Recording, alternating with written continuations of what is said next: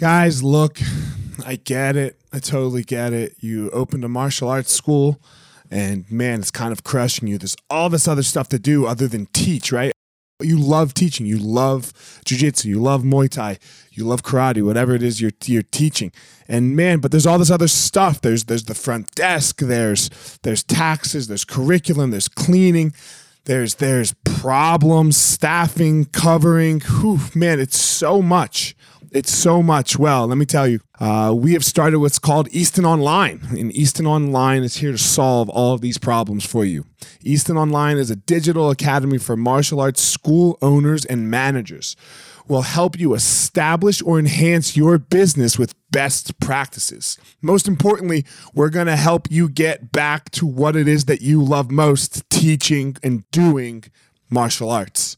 Okay, so for more information, guys, go to easton.online. Again, that's easton.online.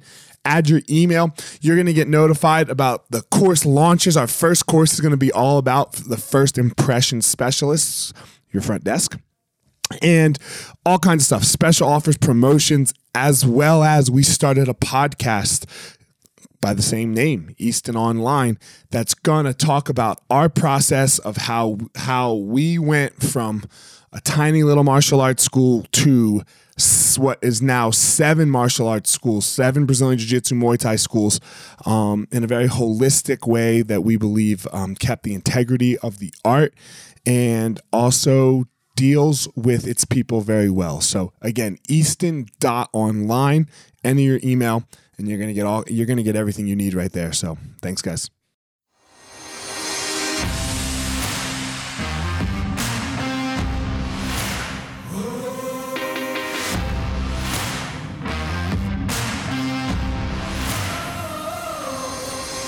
What's up, my ninjas? This is former UFC fighter Elliot Marshall, and this is the Gospel of Fire, where we are going to learn how to go into the fire so that we can find our power and live the best life possible.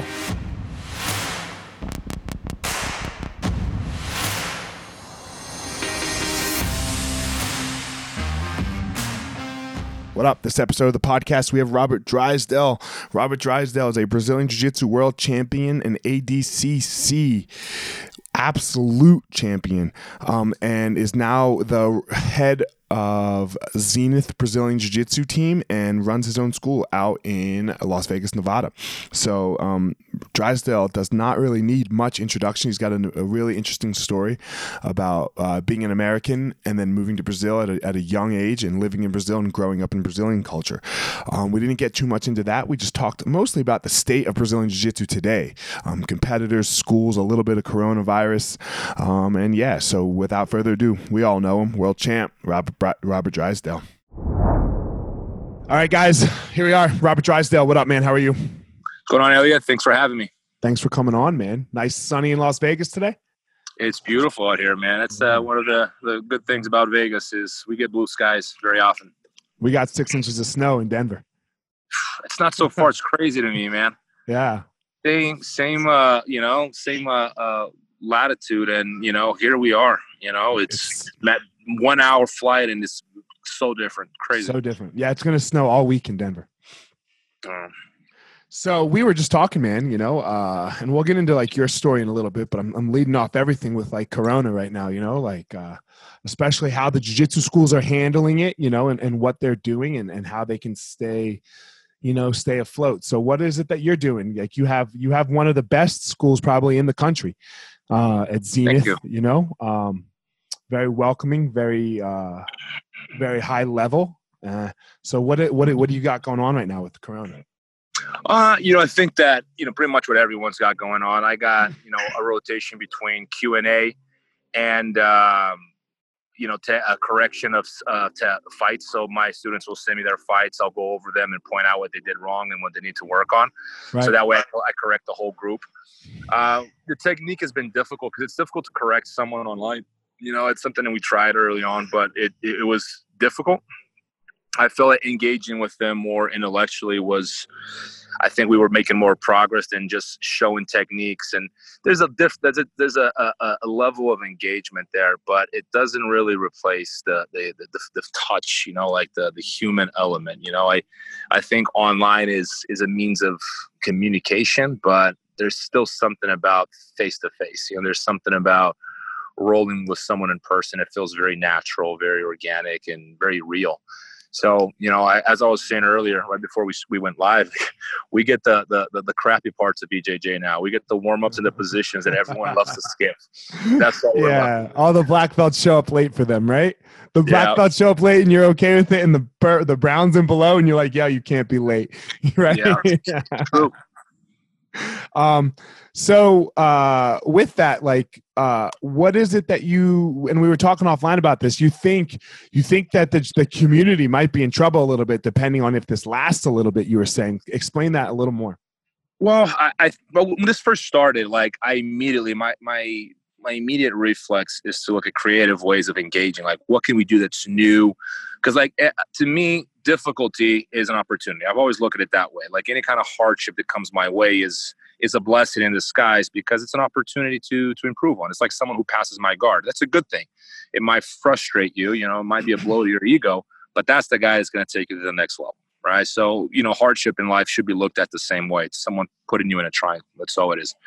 But I, for the life of me, I cannot think of any creative way of engaging in jujitsu. Like I'm thinking, I'm still thinking, like, what can we do that's different? What can we do that's real? What can we do that is going to be, that is going to replace that feeling of being on the mats? And I can't think of anything. I'm pretty creative when it comes to this stuff, but it's what we we have, you know, and we're missing precisely what makes BJJ so appealing. It's not the technique. That's what people miss. They think it's the self-defense. They think it's the fact that BJJ is so efficient on the ground. They think that it's all these cool techniques. That's not what keeps people coming. I've been in gyms my whole life. What keeps people coming back is the the community that we build right? The fact that your friends are in the gym combined with the endorphins of rolling, right? You get a kick out of it. you get high off of rolling, win or lose, you become addicted to those feelings, right? That that that, that feeling of being tired and chatting with your friends on, on on the mats after we roll. So these things are all missing. So I think that I worry about a long-term effect of the concept of social distancing you know, because people are gonna you're gonna be germaphobes more than ever now. Like, don't touch that person, don't shake hands, don't come too close. I worry that's gonna be a long time cultural effect on on society. And you know, if there's a sport that's gonna be hurt, you know, if this, you know, hopefully this is doesn't you know come to fruition, but if it is the case, I think BJJ will take a hit because BJJ is a very viral prone sort of endeavor. Like you're going to be very in each other's face, breathing in each other's face, right? So even it's if the, the antithesis, corona, it's the antithesis yes. of social distancing. Yes, it is exactly. So as a result, we're going to be very. I worry there's going to be a cultural backlash, you know, and BJJ will take a bit of a hit. It was on the way up. I, I think this is going to be a little dip, you know. Hopefully, we'll pick up eventually, and um, but my passion for jujitsu doesn't change. I think that the real passionate people, that people that love it for what it is, they're not going anywhere.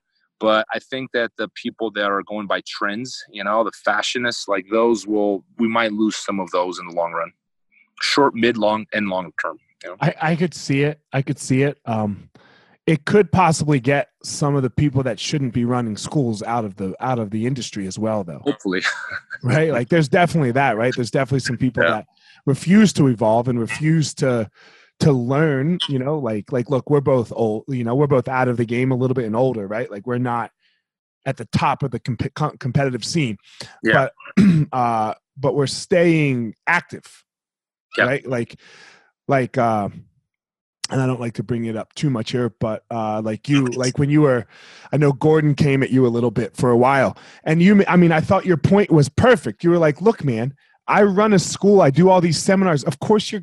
I'm almost forty. You you you are the top of the game right now, and I haven't competed in a decade. What what what? You beating me in a match? What does that say? Right? Like you know. But that doesn't mean that you're not in the school learning and still progressing. And, and I think sometimes people can get that mixed up sometimes where they're like, oh, he's out, so he's out. I think that you know your lessons in BJJ they change over time. I, I think that the immediate lesson is you know, technique and winning tournaments, and that's your immediate challenge, and you know that's what motivates you. Then right. there's a, there's a large degree of vanity that goes into that, you know, and I think that it's part of you know of, of life is to be vain. You know, there's nothing wrong with vanity per se. I think we all possess a degree of it, and there'd be something wrong with you if you didn't possess it.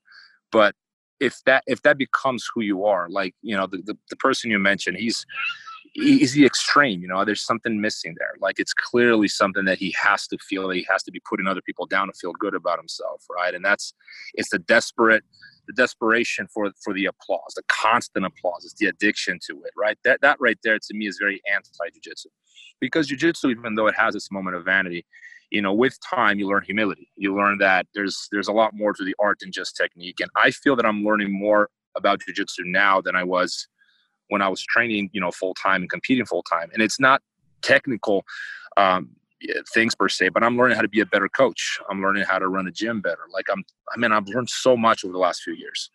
You know, they're just different kind of lessons. So your journey changes, you know, and there's an element of business in there. You know, I think it's part of what we do. You can't be a coach unless you know how to run a business. There's an element of leadership that it's not something that jujitsu teaches you, the technical aspect. That's something that you learn either because you have a gift. You know, some people are naturally, you know, inclined for certain uh, tasks. Other others have to learn the hard way, but they're all learning. So to say that BJJ's learning curve is interrupted when you retire when you're not so active in the competition scene is misunderstanding the potential of jiu-jitsu. I 100% agree. Uh, the the leadership aspect, especially, right? Because when you when you stop becoming the top dog, right, in your school, that yeah. that's a change right that that's a change and that's a change that comes for everybody yeah. right like like whether it's you whether it's me like uh i was just thinking the other day man i'm uh i've only been able to train twice this year because i've had a concussion right? When i was training with one of my fighters and i was no gi i was berimboloing to his back right? And i was and i was coming up and you know no gi you don't have the best grips right? Yeah. so he spun around like spinning wheel kick and boom in my head like spinning wheel kick right to the side of my head basically. So I've literally trained twice since January, and uh, and I'm and it made me realize kind of what you were saying. Like, look, I could probably keep up with most of my fighters still. I'm not quite out of there, but the the risk of it for me. So can yeah. I let can I let that back off, right? And how have you handled that? You know, because that because you like look like comparing me to you is crazy because you're you're a multiple time world champion, and so like what what has that been like for you?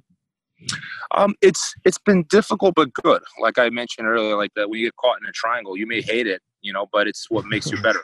right. It's you, and, and when I say triangle, I'm talking about the defeats in life, uh, the falls, you know, and those things really are blessings in disguise. You have to embrace them, and, and no matter how much they suck, you, you have to learn how to turn them around to your favor. Um, you know, to me, one of the things that was so fascinating about jiu-jitsu and still is that it's so real in the sense where you can't talk your way into beating. You actually have to beat me in practice, right? right? So to me, how do I become the alpha dog in the gym? Oh, it's simple. I just got to make everyone tap. It's it's simple. It really isn't complicated. You know, accomplishing that is more complex, but the idea there's there's not a lot of layers to it. It's just like, oh, beat everyone you know, and then everyone's going to respect you because you're the person who's able to tap everyone. And for a long time, I was that guy in the gym. you know, obviously with age and then, you know, your injuries and then you train less and then you start life kicks you in the teeth and you got to do more of this and more of that. And, you know, all of a sudden you're not as active as a 22 year old. And I can see some of my 19, 20 year olds catching up to me and they're like purple belts. And I'm like, man, this guy in like one year, there's, you know, it's not just, the, it's not a technique. It's the, it's the, the, the, the the athletic ability, the speed, the reflexes, the timing, the fact that they're training twice a day and you're training two, three times a week. If yeah. you know, because I got herniated disc on my neck, I got no meniscus left on my knee. So standing up, I got to brace my knees like an old man to stand up. Right? there are all these things that are happening. And how do you become the alpha dog now that you can't beat, you know, you can't beat everyone in the gym anymore? You think I can beat Felipe Andrew in practice? No, I can't. I can give him a hard time and that's doing my very best, but I can't beat him. I'm not, I'm not delusional, you know. I, and that's five, on the six. days when you train. Like if you tried to train every day, you, yeah, you wouldn't, you wouldn't be, it'd be, it'd be nothing. He's 20. You, exactly. You can't, you know, and you have to be realistic about it. It's a very painful experience, especially being someone, you know, competitive like myself, who's been in the fight scene for so long. And I'm used to being that guy who's able to beat people on the mats. And all of a sudden you see like your, your superpowers being taken away from you one by one and then it forces you to see what what other superpowers do I have, right? What else that I can do that I can improve on, and then leadership kicks in. Like you learn, okay, now I actually have to learn how to be the boss without actually having to be people on the mats. And you look at some of the best coaches, you know, they're these like little unassuming guys like Zé Radiola, Draculino. You know, they don't look like big threatening powerhouses. They look like just they're like, you know, they you know, they're good at jiu-jitsu, but they that's not what they're known for. Yet they're able to, you know, build champion after champion after champion. And I'm looking at those guys, and this guy knows something that I don't know this guy knows some jujitsu technique, and I'm not talking about sweeps here, that I am missing. I've been missing that my whole life. I didn't even know that was important. Oh, shit, it is important. It's super important. In fact, that's the skill I need to master for as long as I'm training jujitsu because physically it's downhill from here. So you learn these skills, right? And it's a whole new set of challenge. It is jujitsu. It's just, it's jujitsu 2.0. Yeah. It's yeah, because I mean, like, look, you mentioned Draculino. He, he's not berimboloing. He's 55 years old. Yeah. Right. Like the berimbolo came around when he was 50. Like he didn't, yeah. he didn't start inverting. right. Like, so, yeah. and he, so how, how is he teaching his students? And he still, well, is. because he, he, this is what students don't miss out on. Like, this is like immaturity plays a role here because I think that if you're a more mature person, you get this. What makes a champion has little to do with how many moves your instructor is teaching you that really isn't it. That helps. I think that's that's a it's a it's a flavor, it's an ingredient in the recipe. But like it has to do with the social dynamics you develop inside the gym. What what is the dynamic in the room? Is it a competitive one? Is it a healthy one? Is there a leader? Is that leader pushing people to excellence? Is it because I'll give an example. When me and Demian Maia or Lucas Leite would roll, if you didn't know us and you walked in the room, you would think we hated each other you would think we hated each other because we're going to war like, man, it's on. Like, I'm not losing you. No way. You're not scoring a point on me. It was competition every day. But as soon as it was over, it was over. All right. How do you nurture that kind of environment where you can keep it healthy off the mats? Because if it's unhealthy off the mats, what's on the mats doesn't work.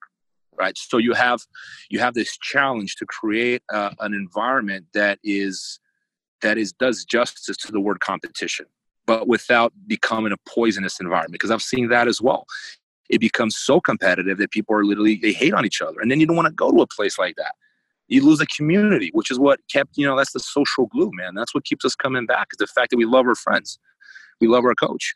And it's not easy to nurture that environment because it's so competitive and because bjj tends to breed such immature people because these kids go straight from high school into the BJJ lifestyle. So they, they never really learn any responsibility. You get people in their 30s who, you know, may or may not have a bank account.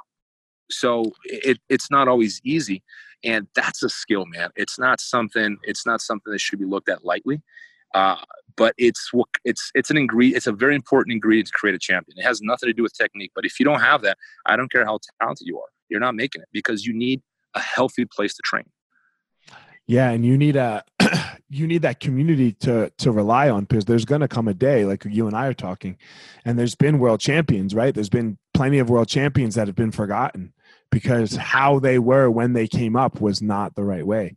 You know, they had all the talent in the world. They they they won the worlds and they, did all these great things as a young person, but then once once their day passed, now they they've got nothing, right? They've got nothing because they they shit on everybody all, all the way along the way you know? So it will be a very interesting thing to see what happens with this generation where it is the internet shit talking generation of of jiu-jitsu a little bit. And and it's a very lonely generation too man. I think we've like the internet has made us more isolated instead of bringing us together. Uh, you know depression's on the rise and anxiety's on the rise like everyone is creating an expectation for themselves to become a rock star but not everyone can be a rock star so that expectation comes with like there's a price to it, right? Like the, the addiction to the applause and all that. And it's something we all suffer from, myself included. But I think that it's something that we that is detrimental to our health. It is detrimental to jujitsu. It's detrimental to everything that we all behave that way. You know, we ought to learn what what are the deeper lessons that we learn from jujitsu, and let those guide us. Right? What are, what is the lessons of humility, of camaraderie, of respect, right? Of being okay, completely happy with yourself while you enjoy your jiu-jitsu journey without the need for an applause right like i don't need someone telling me that i'm good at jiu-jitsu to you know be uh, aware of what I've done in jiu-jitsu. Like if the fact that someone applauds me or acknowledges that or not should not affect me in any way, shape, or form because I'm not dependent on anyone to be completely fine and happy with myself. Right. And if I am dependent on someone else to make me feel good, then I'm an addict. You know, like you're looking for external factors to feel good. And you shouldn't have to do that. Right. And this is what the generation is entirely missing on and i think it's going to cause a lot of problems in the future it already is but I, I, that's something i learned from jiu-jitsu man like you you know you should enjoy your time on the mats for what it is and if there's a reward that's great but that's not why you're training right and you shouldn't let that be that reward or the pursuit of the reward, you know, define you because you can't be just that, just the person who wins medals or just the person who is obsessed with attention. You have to be looking at improving on yourself on a much deeper level. How did you figure this out? Because this is this is I mean it sounds so simple, right? I mean it is very simple. Um, the the great scholars of the world, uh, religious leaders, everyone's been saying this for for millennia uh but it it takes something from us to figure it out like because you were a champion right? Like so like because you have to have that drive as well right? Like you can't you have to have that drive of no like what you were saying with you and lucas leite and demian maia i'm going to be the best. You aren't getting anything you, right? Like so how how did you figure out both ends of the same coin?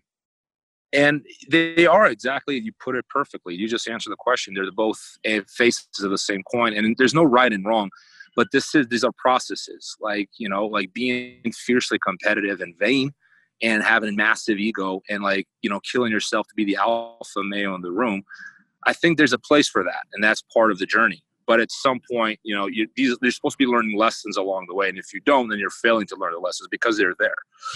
You know but to, to answer you like i didn't figure any of this out. Like i'm just I'm just, you know, picking the brain of like smarter people, you know, wiser people than myself. And you go to the ancients and they've been saying it, like you said. And like smarter people than me have been saying it for centuries. And if they're saying it, you can go back to, you know, pick your, you know, pick your period. There's like some great mind is saying more or less exactly that. You know, there's there's a period for the fire and there's a period for the the calm. There's a period for the for reflection, you know, and and this is where uh, a jiu-jitsu coach needs to acquire wisdom to in order to be a better coach. Because a coach that doesn't have this cannot is not fulfilling the role completely in my opinion. I think that with the lessons that come in jiu-jitsu should come some wisdom at some point right? And these are the things that i like to teach my students. Ironically it's hard to teach a 20 year old because they don't understand it. And i wouldn't have either. It's a it's a time thing you know? But I think that the role model and the, the, the, the, north is there. Like we have a north as to what our behavior should be. Doesn't mean I'm perfect or you're perfect, but we have a north and we stick to that north. And hopefully people at some point are going to look at that and they're going to go, I'm learning something from this. Maybe this is the next step in my jiu-jitsu evolution, right? But the jiu-jitsu community needs, you know, this sort of reference, I believe, because we've gone in a very, very strange direction over the last few years. Yes, I would agree with you you know it's uh it's kind of weird because it's it's at the same time that money got added to the sport right? Like people can actually make a living now you know? Like you can you know if you, you do fight to wins you do all these other tournaments and you you can travel and just do jiu-jitsu and do all right you know? Um here's the thing Elliot though like it's we I we all like money. Let's not be hypocrites yeah right? Sure. I like money. But when did you start training? What, what year did you begin? 99 99. I started 98. So we started around the same time. How much money was there in the sport? None. None. Is that why you do is that why you started jiu-jitsu, Elliot? No. No, you started for a different reason. You started because you loved it. That's a that's a noble reason. That's a, that's the, the, the right motivation. You had the right motivation. We had the right motivation. Money didn't make jiu-jitsu better. It made it more popular, and that is good. But at the same time, I think it's made it worse in a lot of ways. Same thing with MMA. Right. I remember the days where like MMA was pure. Like Randy Couture was fighting for fifteen hundred dollars. No complaint. No, he just loved it, man. Chuck Liddell, give him three hundred bucks and he'd fight. you know, you know, and sure. it's it's gotten better in in some ways, but I feel like it's lost its purity. And you know, as much as we all like money, like I said, let's not be hypocrites, but that should not be the sole motivation in life, right? That is a motivation, but by itself, it's not fulfilling. I don't think it is. I, you give me all the money in the world, I would not trade it for my jujitsu medals. I really no, I, I, I wouldn't trade it. I wouldn't trade it for my students. Uh, you know, somebody asked me this the other day, a couple months ago. I was uh, on vacation with some friends, and he was like, "Man, if I put a hundred million dollars in front of you right now, uh, but you can't go back to Denver. You can't go back. you know? And I was like, and I was like, well, can I just fly everybody here with that hundred million? He's like, no. That's like, a lot "You of have- money. Yeah. He's like, you have to leave that life. And I was like, well, then no, fuck off. You know, Yeah. there's there's no way, there's no way that I would trade my students for money because that's the it's you know, make some money. You know, and and you know and it, people shouldn't misunderstand because we we tend to think in absolutist terms you know Right. like you either like money or you don't like no i No. like it, but like it's not it you know if i ever told you that is that what i'm thinking about when i'm putting my head in the pillow every night if there's something wrong with you that's all you think about like if that defines you and that's what you're thinking about before you go to bed every night well there's something like very very wrong with with your motivation and your north like you do you Um, think you that's know, because I- we're do you think that's because we're lucky that we are okay? Like, what about somebody who's dead? Like, you know, like uh, you know, somebody born dirt dirt poor and like literally Yeah. is like just trying to put food on the table every day, right? Because they might be 100%. thinking, you know, so what you know, But their motivation is different, Ali. They're not talking about luxury and accumulating wealth. They're talking about survival, and the survival kicks in like everything else takes a backseat. When survival kicks in, morals, ethics, like you this conversation right here, jujitsu, that goes in the back burner, man. Survival first, right? But it's not what you know. We we live fairly well in the U.S. You know, I mean, other countries can't always say that, but life here, and I, I've I've lived in Brazil. Like I've seen poverty in, to an extent that I have never seen in the U.S. So Mhm. you know, I think that re- uh, what really is motivating people to pursue money, you know, almost to the point of like recklessly, where you completely lose track of any other value, um, is like this this ambition we all have to live like rock stars. And you know, modern technology in the 21st century has allowed such a degree of comfort that it is in a way like we kind of live better than kings did 500 years ago. We really do actually. Like Sure. I have more comfort than a king did. Poor people in the U.S. have more comfort than a king did 500 years ago. You know so it's gotten to the but like it's like we're addicted to it. Like the more we have it the more we want it. And at the same time we lose like we miss out on little things that are very important. Sometimes like we get you know we it's like there's an excess of of you know we live in the age of the extremes you know? Like it, everything has to be in excess. The excess of you know you know pleasure the excess everything has to be pushed to its limits right and we like the other day i had to clean my pool and i never clean my pool man, I actually liked it. It's crazy, but actually, it was peaceful, man. It was quiet. I didn't have the music on. No one was calling me. And I have my phone on me like 15 minutes, you know, maybe 20. And I'm just cleaning my pool, you know, like, oh, this is not, you know, and I think that we're become so, I'm not saying I want to clean pools for a living. Please don't misunderstand me. But I think that, you know, there's a balance in things that we should look for. We should look for balance in life. And that includes physical work, right? It includes intellectual work. It includes studying. It includes reading.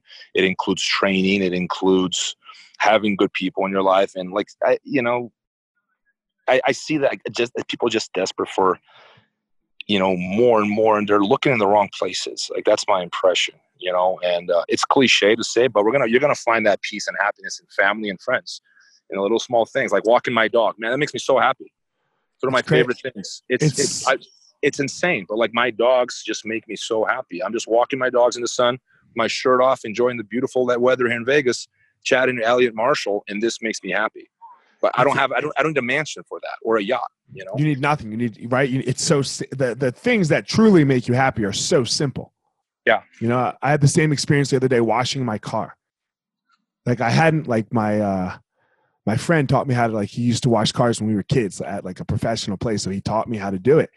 And I just washed my car for an hour. You know, and I was like, man, this is really nice. And it was nice. It was nice to just have the time. It was, you know, and I was like, Yeah. I think I need to make the time a little more because I really Yeah. enjoyed this. It was really peaceful. Yeah. You know, You know, uh, I did. I had some like Japanese that uh, that I met over that when we did the documentary and we interviewed like the, some of the, the coaches at Kosen Judo hmm from uh, Kyoto University. We became friends with them and they came over, and uh, they brought this. Uh, I think it's called shodo, which is Japanese calligraphy, right? And they were practicing, man. They're in the house and they're sitting in the kitchen practicing. These are like they're like in their mid twenties. They're not like 90 years old or anything, man. They're like their mid 20s and they're practicing calligraphy. And I'm like, what are you doing, man? I'm like, oh, this is, I think it's called shodo. And I'm going, and they're showing me. I'm like, oh, that's really cool. Can you do jujitsu? I wanted him to do jujitsu. And he did. It looked absolutely beautiful. I kept it, right? And then I go, can I try? And he goes, yes, of course. Man, it's so much harder than it looks, by the way. It's way hard. I, I mean, it, there's so much skill to doing a kanji, or like drawing a kanji, or you know, writing a kanji with a brush. There's so much skill to it. It's crazy, Elliot. Like you have to try it one day. And I found myself doing that for the next three, four hours. Like I couldn't stop. Like I, I must have like tried to write jujitsu down like 20 to 30 times, if not more, and I couldn't get one right. But man, it was like it was a very pleasurable experience. I really enjoyed it. Like he gave he ended up giving me like the the the the, the the brush and everything else I needed to to actually continue to practice shodo. But it's like very hard to practice without a coach because you don't even know what you're doing wrong. Right, right. But uh, it, you know, like little things like that. I'm not, you know, it, it's not an extreme, man. Like not, not everything has to be an extreme. It's every now and once in a blue moon. Like do something, like wash your car, man. Like clean your pool. You know, learn how to play a musical instrument, and like that right there holds a value that you're not gonna find in in a yacht or in a mansion you know there's a there's a brazilian poet that i like just to finalize my thought and it's called if you read portuguese it's a must read like if you're brazilian and you've never read this don't count yourself throw your passport away you're not a true brazilian okay it's called morte vida severina by joão cabral de melo neto and he experiences only pain and suffering throughout his whole life right that's all there is in the world and long story short, at the end of the poem, he's contemplating suicide. Like, there's no way out. Like, this is miserable. Like, life is just pain. And, you know, when he's about to throw himself off the bridge, someone comes along and goes, tries talking him out of it. And he goes, but man, there's no life. And then he goes, the life you're looking for doesn't exist. There are only patches of life. He uses that term, patches of life, right? You get like little glimpses of like true happiness and pleasure that may not last forever, but like those little things, they they they keep us going, right? They are what make life, you know, valuable and, and worth living. Things like, you know, hugging your child or you know, enjoying time on the mats with your your friends, or after you roll, you try to kill each other. Next second, you're like chit chatting about you know life and whatever. So these things are more valuable than people realize.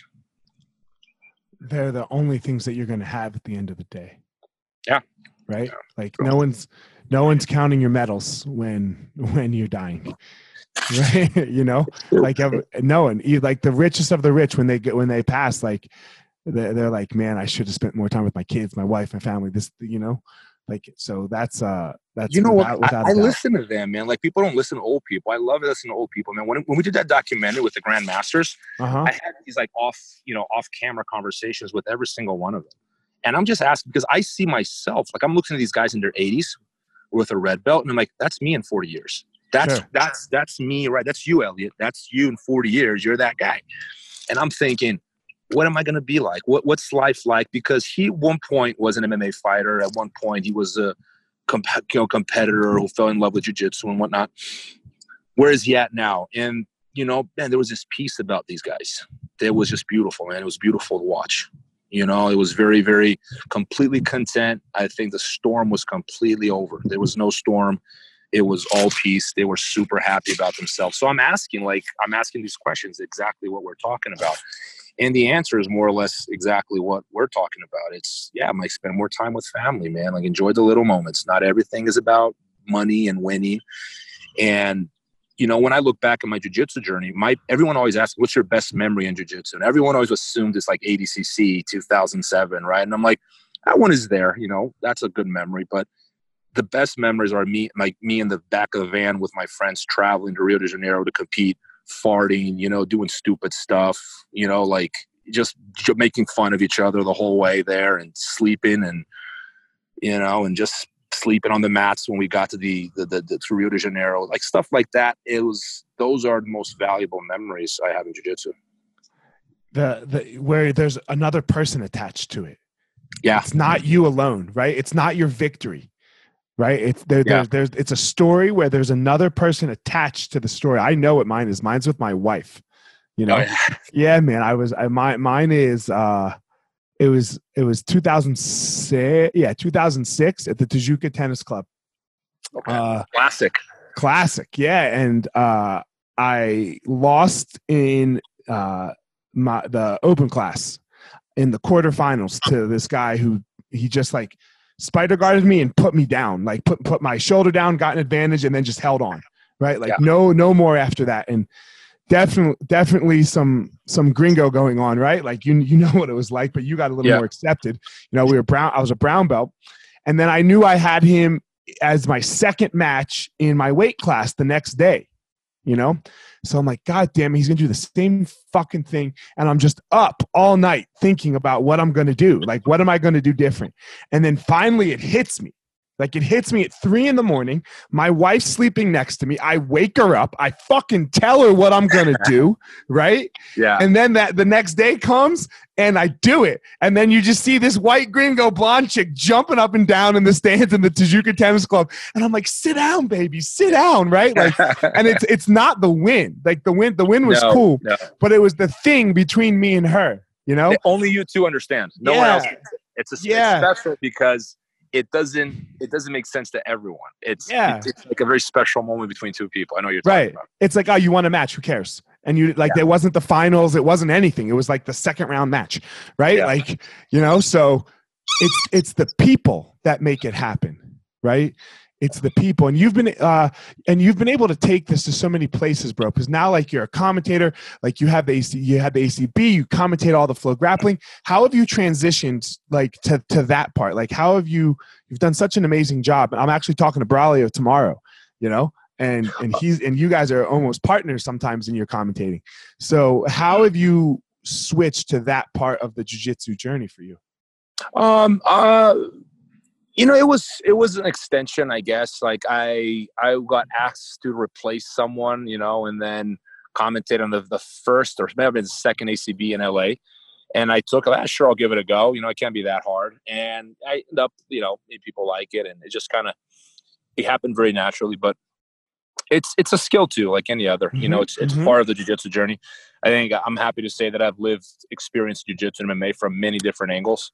As a fighter, as a coach, as a gym owner, uh, as a commentator, I work as a manager now too. So a little bit of everything. I'll put all these hats on, and that's that to me makes the journey more more fun. You know, if you always do the same things, it's like reading the same books over and over. There's value to it, but you're you know you gotta you gotta broaden the, the the horizon as much as possible. That's how I've always looked at things. Um, but it's been it's been a fairly easy transition, man. I, I I like talking about fighting, like some of like some of the things I'm not so good at. You know, like I'm I'm more of the creative type. I'm not the most organized individual. So like sometimes I go through my my desktop, my computer, and like it takes me like 90 minutes just to organize those files alone. You Dude, know, I had like my email like under that. control for a while, you know, Yeah. and then COVID came and motherfucker, Yeah. you know, I, I kept my email so controlled until this, and now I'm like every every week I'm like, oh god, I gotta clean my email out.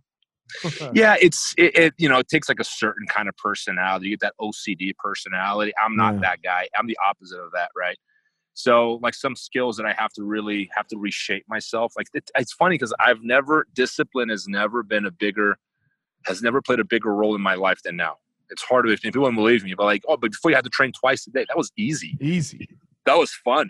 that was not hard. People think it's hard. It's not hard. Discipline is like learning how to do all these things that you absolutely hate. Like I don't. You think I, I want to like run Facebook campaigns and like Google ads? Like that's not fun. You know, you think I want to do payroll? You think I want to do that stuff? Like, No. I, mean, I didn't sign up for that when I started training jujitsu. I just wanted to armbar people Right. you know and here i am like doing all these things that i absolutely hate but you know someone's got to do them so it's it's it's discipline is is more necessary than ever now I feel you, right? I feel you. Yeah, because you know, we have, especially now, right? Because I mean, dude, I, I don't want to apply for loans, right? I don't, I, I don't, right? I Like I'm like, what am I doing? And you got to read the pay. Like you're like, what is this? You know? yeah So I don't even know what to do with those fucking loans. Like, whereas you know, like I'm like, man, I don't want. Like, I mean, like, I guess if it's going to be a grant, I'll take it. You know, right, right. But you have to pay it's that. what out. it should be man it's Yeah. what it should be like it's messed up like it's like a loan sounds like a great idea it really isn't because you got to pay it like your your students aren't going to pay the months that the ones that cancel you're not getting that money but you're still going to have to pay you know for the loan that you're getting to cover that hole so Yeah. Um, I like, uh, yeah, I mean, like the grant is uh, the way I see it is in 2008, we bailed out all the banks, right? They messed up, we bailed them out. The COVID thing is something no one is responsible for. Like, if there's someone that should take the hit, I'm going, well, let the banks take the hit. They got the most amount of money, right? Like, we've bailed them out before, right? Like, mortgages on, you know, uh, no one pays mortgage for two, three months. And that means you don't have to pay rent in your school in case you don't own the building. So, that would be a way to really truly help small businesses and let the banks take. Of course, no one in Congress is going to have the balls to even suggest that. That'll be the end of your political career if you just mention that.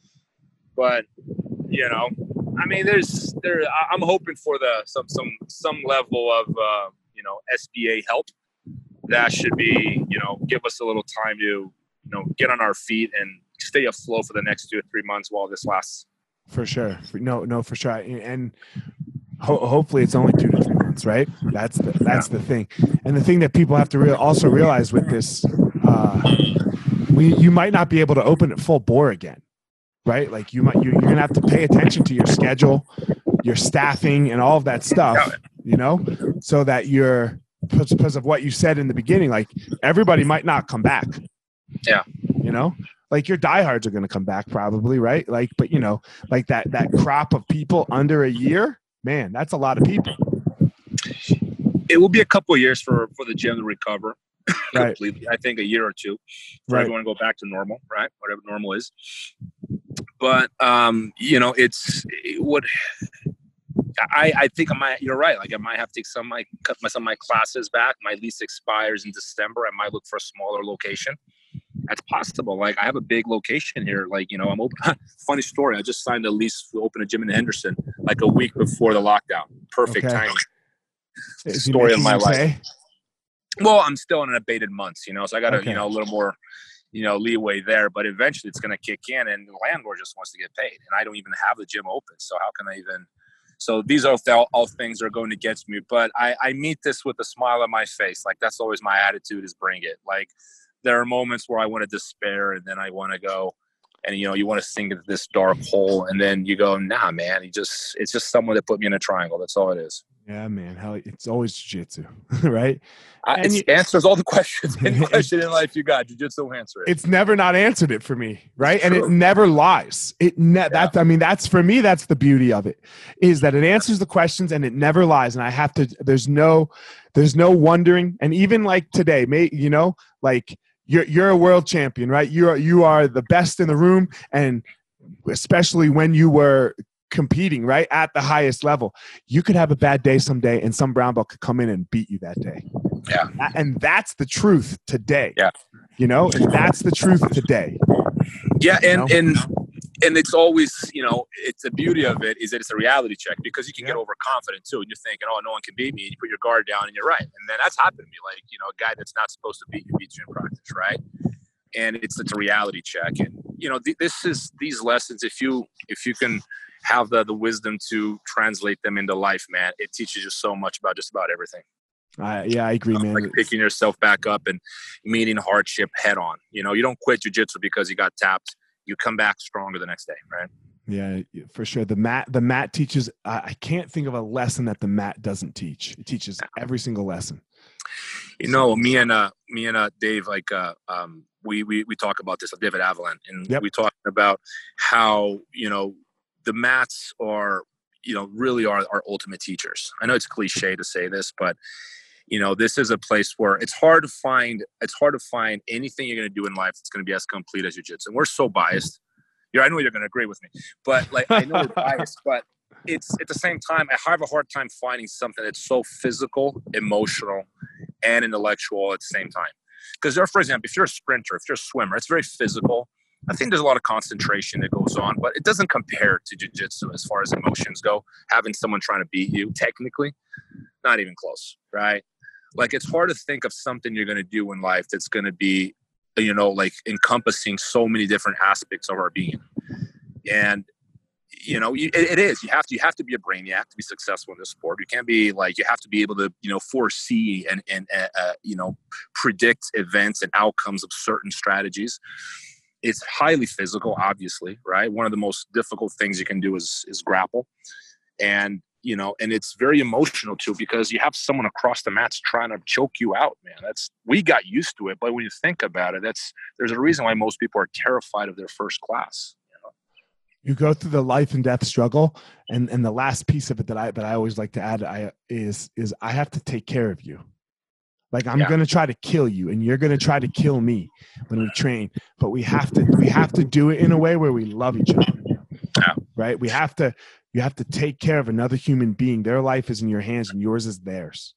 I say that jujitsu is one of the few things in life you'll ever do, or fighting for that matter, where both altruism and selfishness coexist in perfect harmony. Because Perfect. the match is a the- place. It's you would think that they're polar opposites. How can they coexist? Well, they do. In jujitsu, you have to be altruistic because you have to watch out for your partners because it's a the right thing to do, and b you need them to be healthy. Even Right. your even your competitors. Roger needed Xande and Jacare, Of course, right? Of he need, he needed those rivals. You need you them need that because you can't be he can't be him without those guys. without those guys. Yeah. and it's it's selfish in the sense where when you take care of his health that is also selfish because you need him to train if you don't if he's hurt you can't train with anyone Mm-hmm. right if your partners are all injured so like there's that that element of tough love that goes into it you know that you know some people have two you know two minds about that but to me tough love is real love that's the ultimate form of love is beating the crap out of your partners because you're trying to teach them A hundred percent. I, I couldn't agree with you more. And uh, man, I appreciate you doing it, bro. Uh, I appreciate you coming on the podcast. Uh, and uh, I really I really enjoyed the time. It was it was a good conversation. No, thank you, Elliot. It was a pleasure. Um, I hope that uh, we try to try to stay positive throughout these times. Like I, sometimes I can be a little realistic, bordering on negative, but I'm trying to keep it positive on my end. I hope that people listening, you know, feel the same way and or you know, asking just for change isn't negative or asking for something different sometimes right or or Yeah. giving a different perspective I, I i don't always find that negative and i found that you delivered it very well you weren't you didn't you didn't say that this is bad or this is good right it was like look this is an aspect we're all going through an aspect of jiu-jitsu so i didn't find it negative at all you know so um, Okay, I well, I good. appreciate Appreciate it, man. yeah no, thank you, thank you for having me on and. uh well, you know, extending the invitation uh, to everyone, you know, to you and everyone. If you're ever in Vegas, once this madness is over, we can get back on the mats. You guys are more than welcome. You know, What's tell, just in just in case ever tell if they, people don't know and they're listening, tell them where they can reach you, like Instagram, wherever's the best place, and then the name of the school and all that stuff. Um, you know, it's it's called you know, you, if you Google Drysdale Jiu Jitsu, will come up. But I've re- rebranded it Zenith by Robert Drysdale, so more in accordance with the team brand. But you know, if you just Google Drysdale Jiu Jitsu, will come up. We're on 2000 South Rainbow in Las Vegas. Uh, we have a gym in North Las Vegas on Craig and 95, and we are opening one in Henderson, 1125 American Pacific driveway. So yeah, three locations in Vegas. All right, man. Stay warm, stay safe, bro, and uh, we'll talk soon. Awesome. Thank you, Elliot. You guys have a good one. You too. Ciao. All right, everyone. Thanks for listening to this episode of The Gospel of Fire. If you enjoyed the episode, I'd love a review on iTunes or wherever you are listening to this podcast. Don't forget to follow me on social media at Fire Marshal 205. If you are a BJJ enthusiast, check out my YouTube channel. I put all kinds of instructional DVD uh, videos out on there, so go check it out. My book is still out on Amazon by the same name as the podcast, The, Gospel of Fire. So if you are interested, go check out that. And most importantly, guys, go out there every day, find your power. Thanks a lot.